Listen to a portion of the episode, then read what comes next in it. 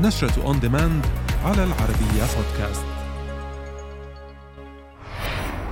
جاك جالنهال في The Guilty كريس إيفانز وسكارلت جوهانسون في Ghosted 179 مليون دولار إيرادات لفيلم Free Guy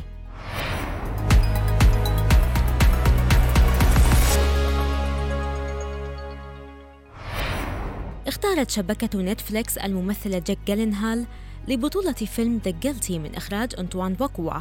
ووفقا لموقع ذا راب الأمريكي تعاون الثنائي من قبل في فيلم الملاكمة الدرامي Southpaw والذي حقق نجاحا كبيرا. وتدور أحداث فيلم The Guilty عن موظف بالطوارئ الأمريكية يتلقى مكالمة مرعبة من سيدة تم اختطافها واحتجازها في شاحنة. وفي حين تبدو المكالمة حقيقية في البداية يتطور الأمر إلى حبكة من الخداع حيث لا شيء كما يبدو عليه. سيعود النجمان كريس إيفانز وسكارلت جوهانسون في بطولة فيلم Ghosted وبحسب موقع هوليوود ريبورتر سيقوم ديكستر فليتشر بإخراج العمل هذا ولم يتم الكشف عن المزيد من التفاصيل ولكن يوصف المشروع بأنه مغامرة رومانسية. حقق فيلم Free Guy إيرادات وصلت إلى 179 مليون دولار منذ طرحه بدور العرض في الثاني عشر من أغسطس الماضي.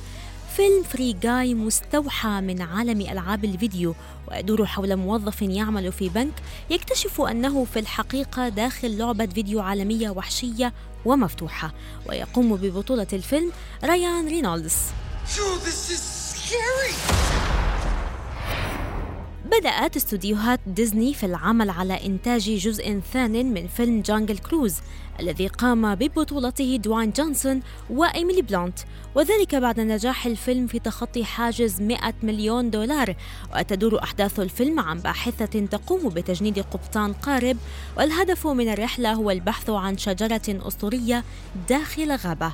وهذه الشجرة تقول الأساطير إنها يمكن أن تعالج أي مرض وتغير مهنة الطب إلى الأبد ولكن الرحلة لن تكون سهلة.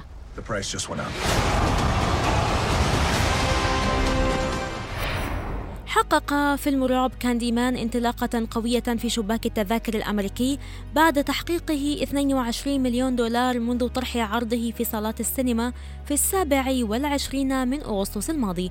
وتدور أحداث الفيلم حول شخصية قاتلة لديها خطاف في يديها ويسمى كاندي مان يستدعيه الأشخاص بطريق الخطأ وينهي حياتهم على الفور.